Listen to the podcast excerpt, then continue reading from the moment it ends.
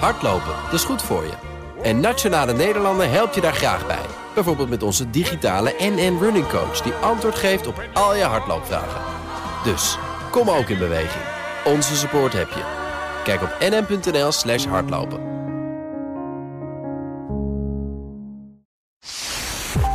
Vertel over je pakketjes. Want je was helemaal Ja, ik- gefrustreerd toen je binnenkwam. Ja, ik ben al de hele dag gewoon een beetje afgeleid. Omdat ik gewoon bezorgd ben over waar mijn pakketje is gebleven. Dus ik heb al een paar dagen geleden heb ik iets heel leuks besteld. Kleding. En eh, nou, daar kijk je dan heel erg naar uit. Dus ik zit dagenlang te refreshen met die code op DHL of zo. Of PostNL, wat is het? Van waar blijft Ja. mijn pakketje? En eh, nee, hij is nog niet eens uit het warehouse. We zijn hem aan het inpakken. Niks aan de hand. En eh, vandaag refresh ik weer in de ochtend. En opeens zie ik dat hij al dagen bezorgd is. Dus dat is heel vreemd. Want normaal gesproken zie je al die stapjes daartussen. Ja. Van dat vrachtwagentje rijden en al die Normaal dingen. Hij ligt in China. Ja, ja, hij, ligt nu daar. die stad in China. Hij is nu aangekomen daar. Precies. Ja. En nou, nu opeens, hij is bezorgd. Dus totale paniek. Eh, hij is bezorgd bij de buren. Nou, die buren die ik ook echt al eh, twee, drie keer de afgelopen dagen in de trappengang met tegenkomen. Die niets Ah, hebben gezegd. niks. Ja, helemaal geen woord over mijn pakketje. Dus ik vanochtend in mijn pyjama aangebeld. Ik over de gang aangebeld. Doen ze weer niet open. Nou, nu ben- ik bang dat ze vanavond, als ik laat thuis kom, dat ze dan ook weer niet thuis zijn. En ik merk gewoon dat het de hele tijd er nu allerlei scenario's door mijn hoofd gaan. Van wat als ze het hebben opengemaakt? Wat als het helemaal Ja. nooit bezorgd is? Dan had ik al dagenlang actie kunnen ondernemen. Wat als het kwijt is geraakt? Wat als het bij een bezorgpunt ligt? Maar dan moet je dan binnen een dag meestal ophalen. Dus dan, ik merk dat ik heel veel denkruimte. Ja. mijn harde schijf zit vol nu met scenario's over waar dat pakketje is. En het liefste wil ik nu naar huis om het ding te halen. Dus eh, de volgende keer bestel je gewoon in een echte winkel. De volgende keer ga ik gewoon weer naar een echte winkel. Zodat kijken. mijn bezorg. eh, Weet je ook meteen dat het past. Dat is zo handig. Precies, precies. Dus dit nooit meer. Ik geloof er niks van. ik geloof er niks van. Kom, we gaan beginnen. We gaan beginnen. De Nieuwsdag. Ik wil snel naar huis, naar mijn pakje. De Nieuwsdag met Talita Muse en Mark Beekhuis. Van donderdag 10 februari.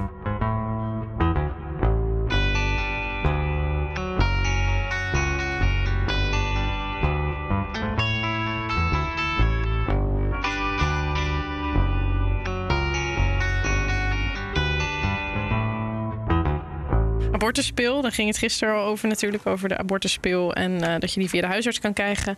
Eh, en Ja, vandaag, als de Kamer ermee instemt. als ze ermee instemmen, over twee De weken. Volkskrant zei het zal wel lukken. Onze voorspelling was... Ja, wij denken, niet. we gaan, het, we gaan het zien, ja. We weten het nog niet. Precies, maar nu is er weer wel een ruime meerderheid voor het afschaffen van de bedenktermijn. eh voor vijf abortus. Ja, dus nu is het inderdaad zo dat je vijf dagen, ook al weet je het zeker, eh, je komt daar aan en je weet het echt absoluut zeker, dan nog is het gewoon wettelijk verplicht dat je vijf dagen reflectietijd krijgt, omdat het een ingrijpende eh, actie natuurlijk is. Ehm, Dat is maar na vijf dagen nog steeds. nog steeds, ja. Dus nou, ik kan wel begrijpen waarom dit er is. Ja? Die bedenkt, ja, ik vind het ook wel goed of zo. Oh ja, ik hoorde. Het betekent soms dat je ineens een zwaardere eh, procedure door moet. Dat je de lichte procedure, die in de eerste dagen wel mogelijk is, dat die termijn dan ineens verstreken is. En dat je dan de zwaardere procedure door moet. Ja. Dat zou je misschien willen voorkomen. Maar Ja. goed, dat hoeft dus ook niet meer, want de Maar wet is ja. veranderd. bedenktijd 101 gaat weg. Kamerleden hebben gezegd: dat willen we niet meer. Precies. En dan mag je er nog steeds vijf dagen over nadenken. Dat is natuurlijk gewoon de vrijheid die je houdt. Ja, maar het moet niet meer. Ja, het is natuurlijk iets van, er zit iets in wat eh, een beetje misschien betuttelend is of paternalistisch. Hè? Dat de overheid zegt van, weet je, jij kan het wel weten. Maar wij zeggen gewoon dat je altijd er vijf dagen over moet nadenken. Want zo, eh, zo groot is het, zo heftig is het. Ja. Nou, ik, ja, ja. Ja, ja, het is er doorheen. Het is er doorheen. weet je waar we het nog nooit over gehad hebben? Mm, hoe- En eigenlijk bedacht ik, ja, er zijn natuurlijk duizend onderwerpen, want dit is aflevering 20. Corona? Daar hebben we het wel eens over gehad. En Ja. dat heeft wel een link met corona, maar toch ook weer niet. We hebben het in deze podcast nog niet één keer gehad over die eh, vrachtwagenchauffeurs, de truckers in Ottawa in Canada. Dat klopt. Die Mm. Nee. een halve stad, wat zeg ik, die een hele stad hebben platgelegd. En die de bevoorrading van winkels onmogelijk maken. Ja, ik- die eh, rechtbanken en regeringsgebouwen ontoegankelijk Ja. maken. Ik, wilde het er wel eens over hebben, maar ik dacht dat vind veel te extreem. Want, eh, vind ja. het ook veel te extreem Ja. wat ze doen. Ja. ja, vind je het eh, heftig? ja, je mag voor mij alles demonstreren. Maar dat is natuurlijk niet hetzelfde als dat je de stad eh, onleefbaar mag maken. Nou, maar ja, anders, eh, anders is het natuurlijk geen demonstreren. Als je geen hinder veroorzaakt, is het, is het natuurlijk niks. Dan is het net weer Er niks. is wel een verschil tussen twee weken lang 24 uur per dag toeters, zodat niemand kan slapen. Ook mensen die Ik gewoon. vind het briljant klinken. Echt waar? Doen ze dat? Dat deden ze. Dat twee weken nu. lang Dat- ja, en 24 uur per dag ook gewoon. Zodat het echt gewoon Dat onafgebroken helemaal gek wordt. Dus daarom is Trudeau gevlucht. vanwege de geluid. Ik dacht, dat is toch iets dat is bijzonder dat we dat niet benoemd hebben. Terwijl dat inmiddels echt gewoon. Het is wereldnieuws. Het is niet alleen een, Ja. eh, het is niet alleen een demonstratie waar je van alles. Nou, de- een demonstratie is, is recht. Daar is geen discussie over mogelijk. Mhm. Maar het onmogelijk maken van het leven van een hele stad, dat weet ik niet hoor of dat een recht is. Wat eisen ze? Dat vind ik altijd wel belangrijk. Wat, wat, wat eisen ze? En gaat, er, gaat de regering serieus met ze in gesprek om deels aan die eisen tegemoet te komen? Kijk, als ze dat niet Ja. doen, mag je gewoon door blijven protesteren. Dat is, eh, dat is wat aan, bij eh, dit soort demonstraties vaak ingewikkeld is. Het begon met de Mhm. vrachtwagenchauffeurs die zouden eigenlijk eh, gevaccineerd moeten worden en dat willen ze niet. Mhm. Ja. Of tenminste verplicht en dat willen ze Nou, niet. is dat van tafel bijvoorbeeld? Dat weet ik niet. Eh, maar vervolgens bleek na drie dagen dat een heleboel andere mensen gewoon alle coronamaatregelen van tafel wilden hebben. Dus na drie Mhm. dagen ging het ergens anders over. Mhm. Eh, inmiddels liepen er mensen met eh nazi-vlaggen mee dat na een week. Dus dan gaat het over nog weer hele andere dingen. Mhm. Tenzij je denkt dat eh nazi's en vaccinaties. Hmm. Nee, niet een woordspeling. Het is een ongedefinieerde de, de- demonstratie geworden. Die dus nooit gaat bereiken wat iedereen wil. Want niet iedereen wil hetzelfde. Ik snap wat je zegt, maar het punt is: hou je daarmee niet jezelf nog meer op de langere termijn? Meer, dit gaat niet weg, hè? Dit wordt erger. Dus zeg maar niet responsief zijn. Dat maakt het erg. Je kan hier niet van. Deze mensen gaan ook niet verdwijnen. Wat gaat het volgende wat je gaat doen? Deze mensen dan maar opsluiten of nog harder straffen of volharden in je beleid. Volharding creëert altijd weer een tegenreactie. Het wordt actie-reactie. Ik, nee, ik, eh, leiders moeten erboven staan en die moeten gewoon een, toe, een, een, een handreiking doen naar het volk. Oké, nou, ik heb heb een mooi voorbeeld voor je. Mevrouw Halsema, de burgemeester van Amsterdam. Precies. Kom uit je terug. Uit je Eh, want we hebben hier komende zaterdag. Is het Ja. zaterdag? Ja, zaterdag. Dan, eh, dan gaat gaat het nachtleven nachtje weer open vanwege, vanwege onvrede met het coronabeleid. Vanwege algehele volkswoede, ja. Mevrouw Halsema heeft gezegd, eh, ja, dat is dus niet volgens de regels. Het is heel simpel. Als je open gaat, krijg je van ons een boete. Dat wil zeggen, daar dreigt ze mee. Ja. Ik snap dat wel. Ja? Ja, Waarom? Regel is regel. die moet je misschien Ja. wel aanvechten. Maar de, de burgemeester staat ook in de recht als ze zegt... sorry, dat kunnen we nog niet op het ogenblik. Nee, dan staat ze zeker in de recht. Vanuit de zin dat ze dan inderdaad letterlijk in het recht staat. Want dat is de regel. Dus ze mag die gewoon ook handhaven. Ja, maar dus we de moeten hem zelf geest is ook belangrijk. En de, de hele... eh, volgens mij is zij zelf best wel ook dat ze vindt van... nou, hè, die maatregelen hebben heel zwaar eh, Ja, eh, iedereen getroffen. En, dat maakt het ik- nog serieuzer dat ze zegt... en toch ga ik jullie een boete opleggen.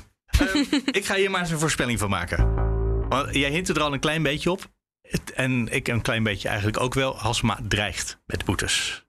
Precies. En ik denk dat ze die niet gaat opleggen uiteindelijk. Ik vind wel dat ze moet doen hoor.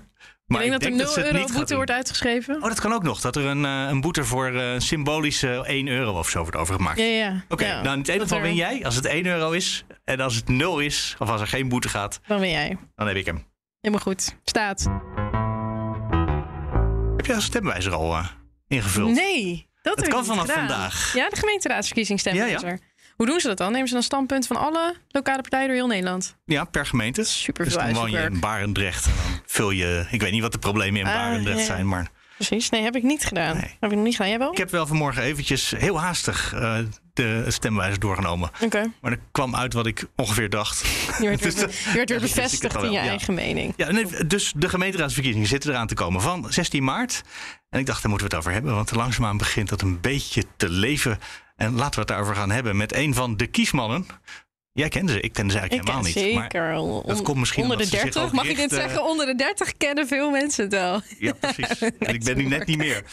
En Jochem Jordaan, die is hier. Welkom. Heel veel dank. Hartstikke leuk hier te zijn. Heb je ook al een stemwijzer ingevuld? Of is dat Zeker. niet meer Ik nodig? heb ook heel vluchtig eh, vanochtend een stemwijzer ingevuld. En Ja? ik hoopte eigenlijk op dus, eh, de feestpartij ehm, uit te komen. Want ik doe het ook weer mee in Amsterdam. Toch via de Maar, VVD. ehm, eh, nee, nee er, kwam, ehm, er kwamen twee opties uit eigenlijk. En dan kan je verder nog doorklikken om te kijken wat echt je keuze is. En eh, die houden we altijd voor onszelf. Want met de kiesmannen organiseren we eh, politiek neutrale shows voor, eh, voor jongeren. Mag Dus, het niet weten? Nee, dat mag niet weten helaas. Ach. Hmm. Ja, dat je niet biased bent. Nee, Ja. zodat ik niet biased ben. Nee. Ja, wat, wat valt jou op, zeg maar, aan? Je noemt even al de feestpartij, maar die is al best wel oud. Zie je heel veel nieuwe soortige partijtjes uit, eh uit grond komen? Die mee... Nou, dat is natuurlijk wel leuk bij, ehm, bij gemeenteraadsverkiezingen. Dat er eh, eh, naast eh, de partijen die we allemaal al kennen, er toch ook altijd heel veel nieuwe eh, eh, lokale burgers proberen om een, eh, om een partij te starten. Je hebt natuurlijk de grote lokale partijen. Bijvoorbeeld in Den Haag heb je Richard de Mos. met Groep de Mos, partij die wel de grootste lijkt te worden. In Amsterdam zijn het eigenlijk vrijwel vooral traditionele partijen die, die in de gemeenteraad zitten. landelijke partijen Maar weer. inderdaad, Ja. je hebt dingen als de scooterpartij doet mee, de feestpartij. Je kan niet zo gek bedenken. En, De scooterpartij die wil ze juist weg hebben of die wil meer scooters in de nee, die stad? wil gewoon scooters in de stad. Ja, die, die mogen gewoon. die mogen een goed de doel. Ja, ja. Ja, Oh, super grappig. Meer maar dan ten koste van de auto's? Of ten Nou, koste ik moet van eerlijk de- zeggen, ik heb hun verkiezingsprogramma Ja, nog niet gelezen. Ik weet dat ze dit jaar weer meedoen. En dus ze staan gewoon op de lijst. Ja. Ik weet niet of ze heel veel zijn veranderd sinds vier jaar geleden. Ze hebben niet nog heel Toen heb actief je campagne gevoerd. Niet op oh, dat nee, ging je stil ook niet. Ik, ik, nee, ik, ik heb überhaupt nog nooit scooter gereden. dus eh, dat gaat het niet worden. Ja, Jullie trekken het land door, scholen, eh, vooral ook hier in Amsterdam, maar onder andere ook, wat zij in Nijmegen, Utrecht geloof ik, eh, om daar met ja, jonge mensen over verkiezingen te praten.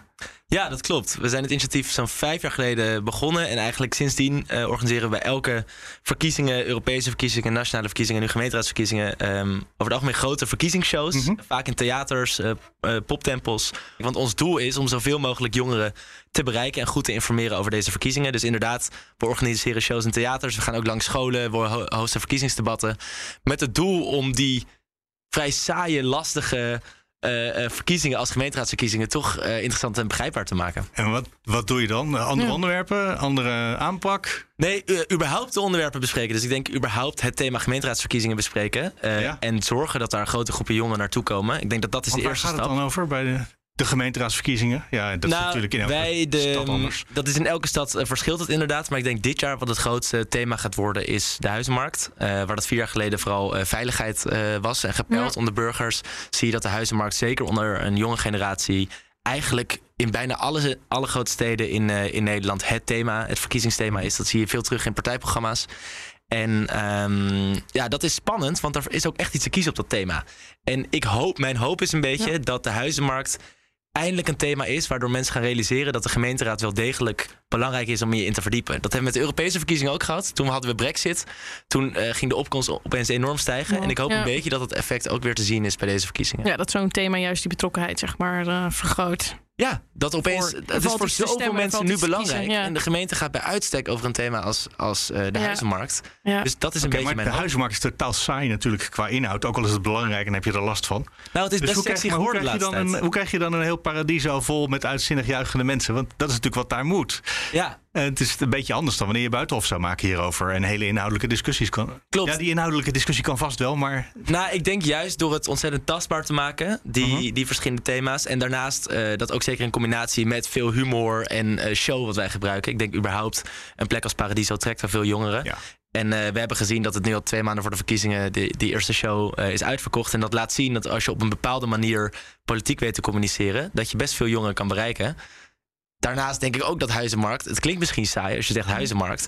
Maar als je zegt wooncrisis, dan wordt het opeens al een stuk interessanter. Ja, maar de oplossing voor de wooncrisis is dan weer iets in een belastingregels. En voor je het weet ben je zelfs mij, nou nee, mij nog niet. Maar ben je wel weer heel veel mensen kwijt natuurlijk. Want de oplossing is wel weer saai en technisch. En De oplossing is best saai en technisch, dat merken wij ook. Dus wij doen onderzoek naar alle partijprogramma's en Ja. kijken van hoe kunnen we dit zo begrijpelijk mogelijk in ongeveer een kwartier uitleggen en ook nog vertellen wat de verschillende partijen van plan zijn. En Ja. waar je dan zeker in de verschillende gemeentes eh, eh, ziet waar de keuzes is, is dat vooral linksere partijen kiezen voor meer bouw van sociale huur. Ehm, eh, en rechtse partijen kijken vooral meer naar koopwoningen, middenhuur. En het gaat er echt om bij deze verkiezingen niet alleen hoeveel willen we bouwen, maar ook voor wie bouwen we en voor wie is de stad Ja. Eh, waarin we mensen eh, eh, willen hebben laten wonen.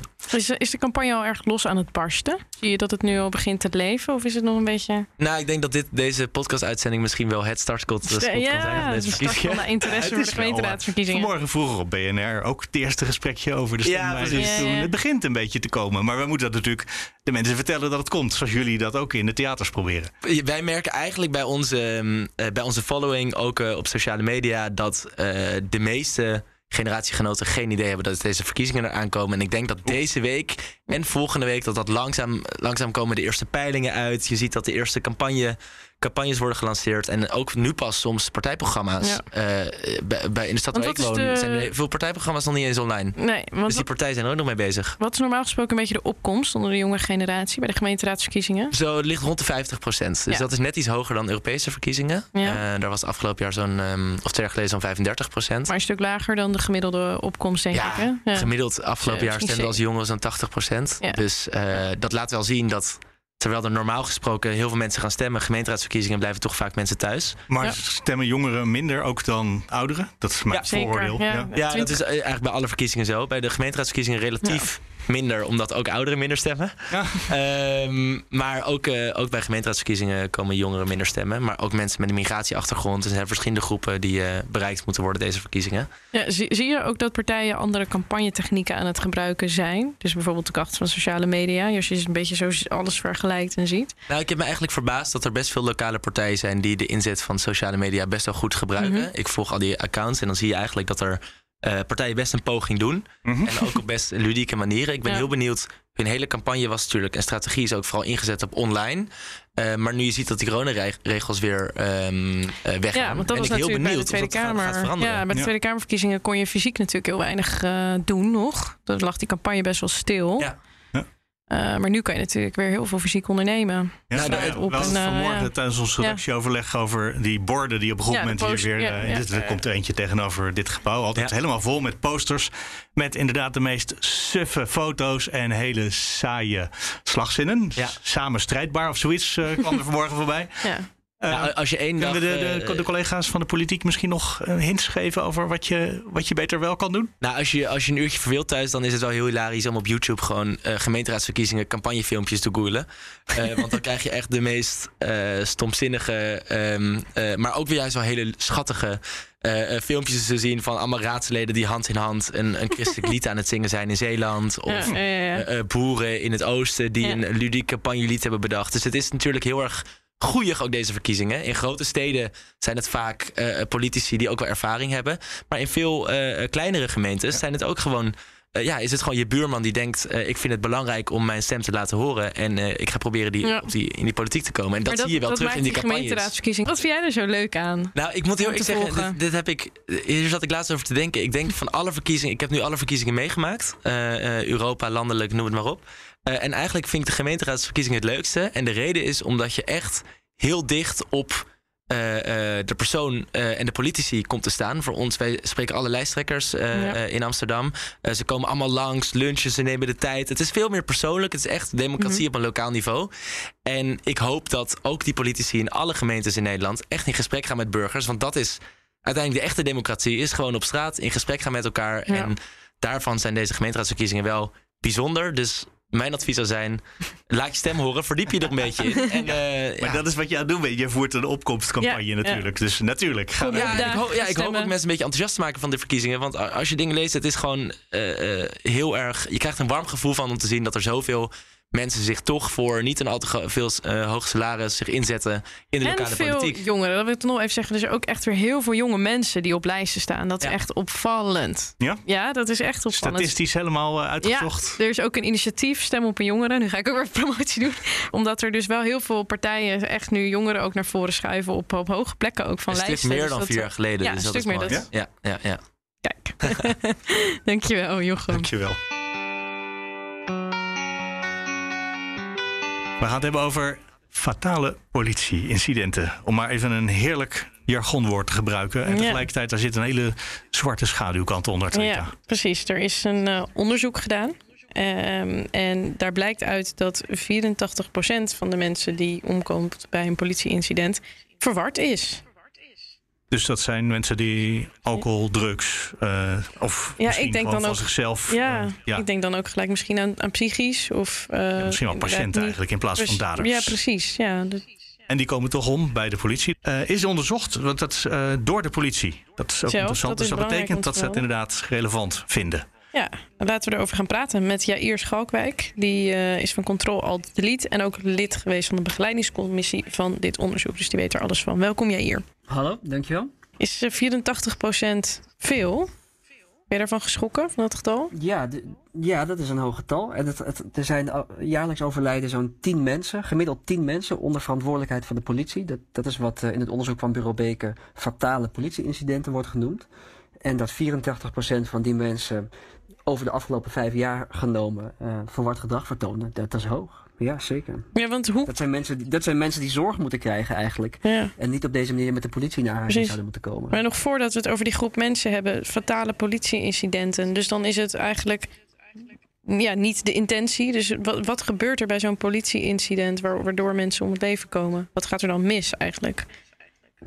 Nou, dat, dat, dat, dat, dat verschilt natuurlijk van, van zaak tot zaak. Um, een bekend voorbeeld daarvan is Mitch Henriquez, die in 2015 overleed. Dat uh, valt net buiten de onderzoeksperiode. Uh, denk ook aan de zaak van Sammy Baker, die Duitse influencer. Die uh, in 2021 werd doodgeschoten hm. door de Amsterdamse politie. Of Cyprian Broekhuis, was toevallig ook in Amsterdam. Of Yazan Al-Madani in Schiedam. Dat zijn allemaal verschillende incidenten waarbij, waarbij mensen om het, om het leven komen. Uh, soms, soms omdat ze de, de politie of omstanders aanvallen. Um, en, en vaak ook niet. Ja. Als mensen de politie niet aanvallen? Dan zou je ook verwachten ja. dat ze niet. Want waarom zou je dan nog moeten sterven bij een ongeluk? Dat, dat, is, dat is de grote vraag waar dit onderzoek helaas geen licht op werpt. Um, en de vraag die we vanuit controle al te lead ook stellen. Um, wat, kan er nou wat kan nou verbeterd worden aan het handelen van, van politieagenten, aan hun repertoire, aan hun technieken, om te voorkomen dat dit in de toekomst uh, nog steeds gebeurt. Maar als je bijvoorbeeld kijkt naar die zaak van um, uh, Yazan Al-Madani of van um, Sammy Baker, dat zijn zaken waarbij de slachtoffers geen gevaar waren voor derden of voor de politie, tot het moment dat, dat de politie optrad. en die zaken hadden hadden en kunnen hopelijk in de toekomst op een andere manier zonder geweld uh, aangepakt ja. worden. En, en dit... Dus eigenlijk doordat ze de politie binnenwandelde in de woonkamer, waar het in het ene geval of uh, buiten was, geloof ik in het andere geval. Mm -hmm. ja. Daardoor escaleerde de situatie, waardoor ze uiteindelijk die agent dacht: ik moet nu schieten. Nou, dat, dat vindt het Openbaar Ministerie niet. Uh, en dat vindt de politie ook niet. Uh, en voor de duidelijkheid, de onderzoekers hebben daar niet naar gekeken. Nee, jullie in het verleden wel, hè? Wij, wij, ja, wij, wij volgen deze zaken. En, en, dit, zijn, dit zijn voorbeelden van zaken waar wij dan vraagtekens over zetten, uh, bijzetten. Maar, maar, er zijn ook voorbeelden van zaken waar, waar het duidelijk is dat de politie moest optreden. Ja, en het, het, gaat ook over incidenten waarbij niet er dood is door een politiekogel is gevolgd. Maar dat kan dus ook later, dat iemand later bijvoorbeeld is overleden door fysiek geweld, ja, toepassing. Dus of... Bijvoorbeeld in, in, uh, in 2017 geloof ik, of 18, is een, um, uh, een, een man zonder vaste woon- of verblijfplaats aangehouden in Amersfoort. En die heeft in de cel dan een, een duw gekregen en dan uh, als, daar een hoofdwond bij opgelopen. En daarna is hij overleden. Ja. maar er zijn ook mensen die, die onwel worden. Dat is, een, ja, dat is de, de, de, de omschrijving voor mensen die buiten bewustzijn raken. Die raken onwel, bijvoorbeeld in een politiebus of bij arrestatie of, of in de politiecel in een aantal gevallen. Ja, kan met drugs te maken hebben of zoiets. Ja, dus drugsgebruik speelt, uh, speelt ook een belangrijke rol, uh, concluderen de onderzoekers. Um, en het, het, in, de, in dat soort gevallen doet het NFI, ook uh, het Forensisch Instituut, doet ook dan onderzoek. En die, dat doen ze in opdracht van de Rijksrecherche, die al deze zaken onderzoekt. En dan het Openbaar Ministerie besluit dan of over of, of de agenten, de betrokken agenten mogelijk strafrechtelijk ja. verkeerd gehandeld hebben. En, en dan die 84 procent, wat is verward? Wat valt onder de definitie verwarde personen? Het heeft te maken met woon- en leefproblematiek, psychische problematiek, gedragsproblematiek, problematisch middelengebruik, et cetera. Dus het is, het is um, en, en verward gedrag ten tijde van het incident is um, uh, genoteerd als het gaat om als betrokkenen het gedrag zelf als verward benoemen. Of wanneer het slachtoffer ten tijde van het incident zelfmoord pleegt. Maar draagt dat bij het feit dat ze verward zijn aan het feit dat er mogelijk dus ook in zo'n incident dus anders wordt gereageerd op deze mensen en dat daardoor die escalatie ontstaat? Vergroot Ja, dat hun dus kans, dat- zeg maar, om dit te overkomen, Dat is, inderdaad. dat, is weer een, dat is weer een heel goed voorbeeld van een vraag die, die helaas in het onderzoek niet beantwoord wordt. Omdat er in het. Ik ga ook in die commissie. Is. ja, nou, of bij de onderzoekers eh, eh, aan tafel zitten. Dat lijkt me ook een goed idee. Maar eh, dan, dat, dat, dat is waar toekomstig onderzoek zich op zal moeten richten. Dus wil je het aantal incidenten omlaag brengen, liefst naar nul. Laten we met elkaar uitspreken dat de doelstelling is dat dit niet meer gebeurt. Ehm, dan kunnen we volgens erover praten. Welk, welke, welke handelingen zouden daar dan aan verbonden moeten worden? Maar je zou haast Kan- gaan kan denken, misschien. je lost 84% van de gevallen al op als de politie beter overweg kan met mensen die verward zijn. ja. En, en dat is een hele brede definitie, maar nog steeds, daar kan je iets bij voorstellen. Kan alle kanten op gaan. Maar dat beter herkent of ze met zo iemand te maken hebben in zo'n situatie. Het, het, me- mensen, mensen die hulp nodig hebben, willen we als, als samenleving hulp bieden. En die Ja. zouden niet met de politie in aanraking moeten komen op deze manier. Ja. En daarbij om het leven komen. Ja. Ehm, en, en daarvoor is het onder andere nodig dat we ook kijken naar hoe kan de politie eh, bijvoorbeeld situaties deescaleren voordat er de inzet van geweld nodig is. Wij spraken elkaar vanmorgen hier al heel even over. En toen zei je dat eigenlijk vaak ook het tegenovergestelde gebeurt. En je noemde onder andere het voorbeeld van iemand die een zak mes bij zich had. En toen stond de politie tegenover hem. En toen dacht hij, oh, dan kan ik die maar het beste voor mijn keel houden. Want dan kan ik een eind eraan maken. Dit is dat voorbeeld van, van, van Sammy Baker. Ja. Die voor zijn verjaardag met vrienden in Amsterdam was. ehm, spacecake had ge- gegeten, geloof ik. En, en in een psych- psychose raakte. Kwijtraakte in de stad. En toen gezocht werd door, door zijn moeder en, en zijn vrienden.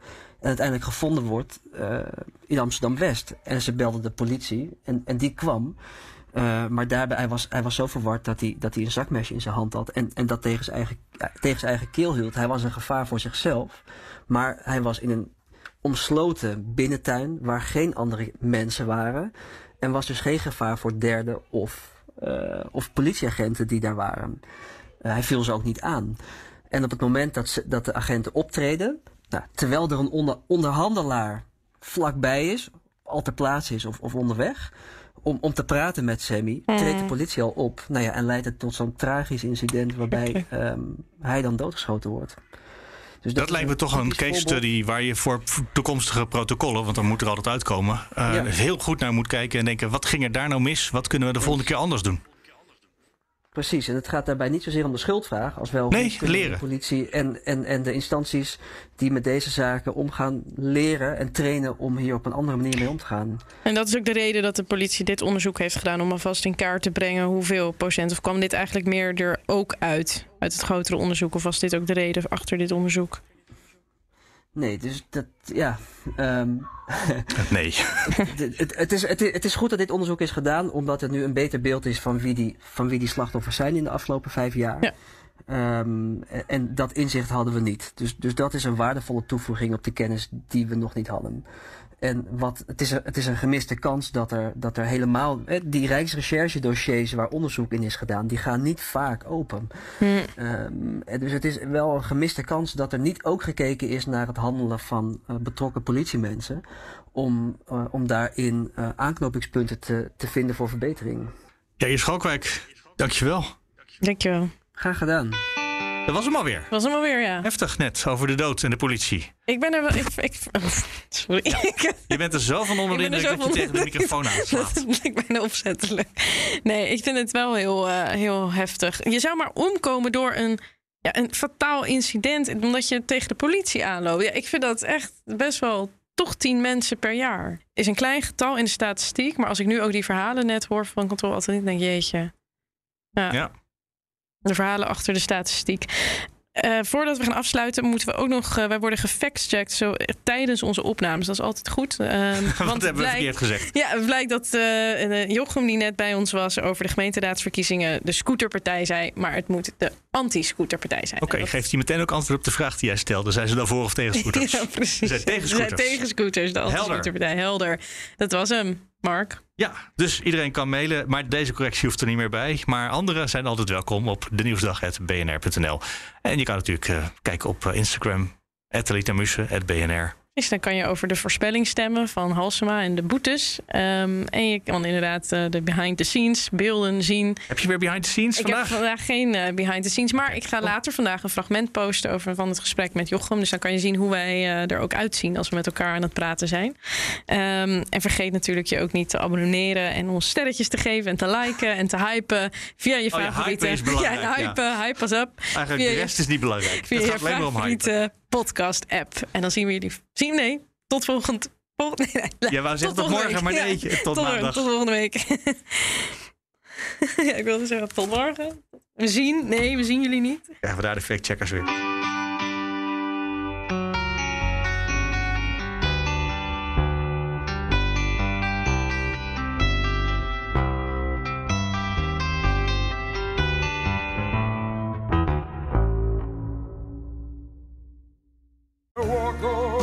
Hardlopen, dat is goed voor je. En Nationale Nederlanden helpt je daar graag bij. Bijvoorbeeld met onze digitale NN Running Coach... die antwoord geeft op al je hardloopvragen. Dus, kom ook in beweging. Onze support heb je. Kijk op nn.nl slash hardlopen.